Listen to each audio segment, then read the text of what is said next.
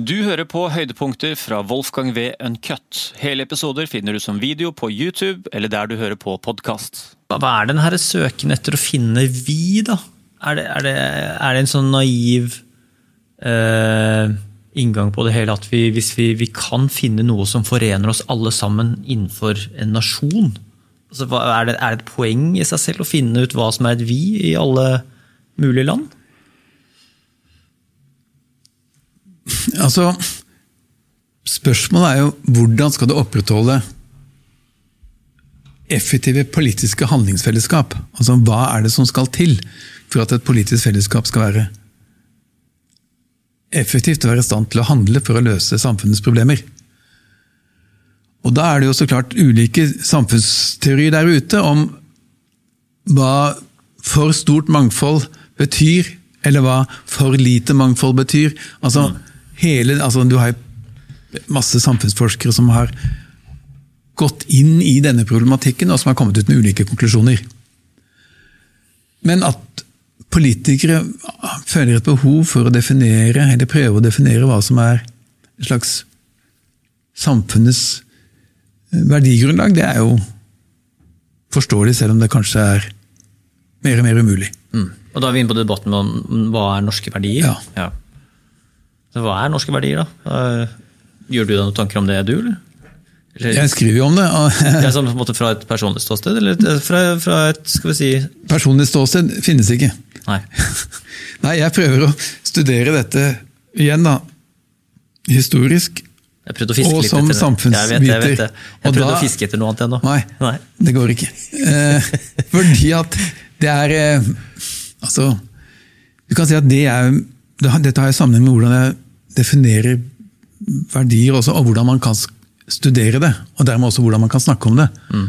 Fordi at Problemet er, er, jo at dette er et begrep som det er veldig veldig vanskelig å snakke om, fordi at folk legger så veldig, veldig forskjellige ting i hva de mener med verdi. Og sånn at Det må man først rydde opp i. Skal det bli en rasjonell samtale, mener jeg da. Og det prøver jeg å gjøre i, også tror jeg, i denne boka, her, hvor jeg sier at for meg er verdier i et samfunn, de dominerende verdier i et samfunn, de er de verdiene som kommer til uttrykk i statens og det offentliges handlingsplaner for endring av samfunn. Altså, de norske verdiene vis-à-vis utviklingsland eksempel, kommer til uttrykk i de handlingsplanene for utvikling av disse landene som Norge som stat har formulert. Mm. Men også ting som foregår innenfor landets grenser? Altså. Ja, ja. Noen eksempler? Eksempel, jeg prøver da å studere norske stortingsmeldinger når det gjelder innvandring og multikulturalisme, på samme måten. De norske verdiene på dette feltet som er dominerende, er de verdiene som fremmes i disse meldingene, fordi de har politisk oppslutning, og fordi de har hatt mer eller mindre offentlighetens oppslutning, dersom man studerer og undersøker hvilke typer diskusjoner som har blitt foretatt i offentligheten. Ikke sant?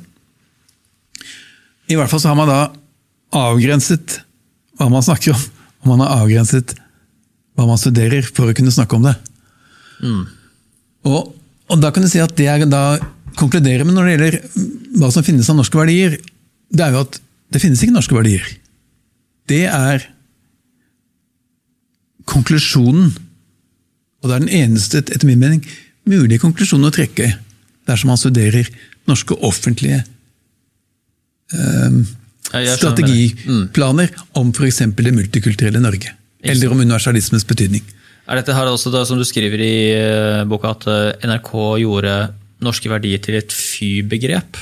Var, var, var, det også litt sånt uh, Ble det en sånn veldig høyre-greie, det å snakke om norske verdier? At vi må ta vare på norske verdier og, og kultur og alt mulig sånt, og da ble det en sånn litt vel Frp-eim over det hele?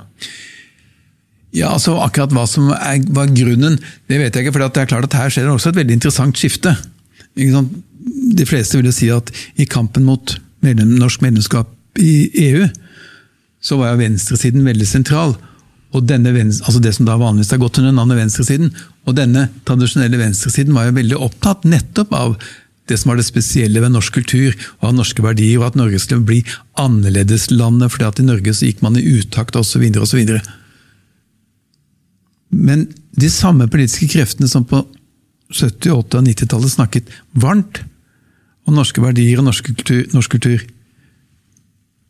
avviste begrepet nærmest totalt på dette tidspunktet i landets historie. Så Derfor så ble det kanskje et sånt høyrebegrep, øh, hva vet jeg. Men jeg tror ikke det er det mest interessante allikevel. fordi at det at NRK kom med denne ord- ordlisten, det må ikke oppfattes som et, på en måte et slags øh, utspill fra ARK, hvis man skal bruke Fremskrittspartiets terminologi om NRK. At det var liksom venstresiden som nå kom. Nei, dette var helt i samsvar med hva som var offisiell politikk for alle regjeringer til da. For det man sa, det var at norske verdier altså Man sa ikke at det ikke fantes, men man sa at det å snakke om det kunne virke diskriminerende overfor minoritetsbefolkningene i Norge. Altså at man nærmest avskrev majoritetsbefolkningen, da, som var det nye ordet på nordmenn, eh, at den hadde en egen kultur eller hadde egne verdier.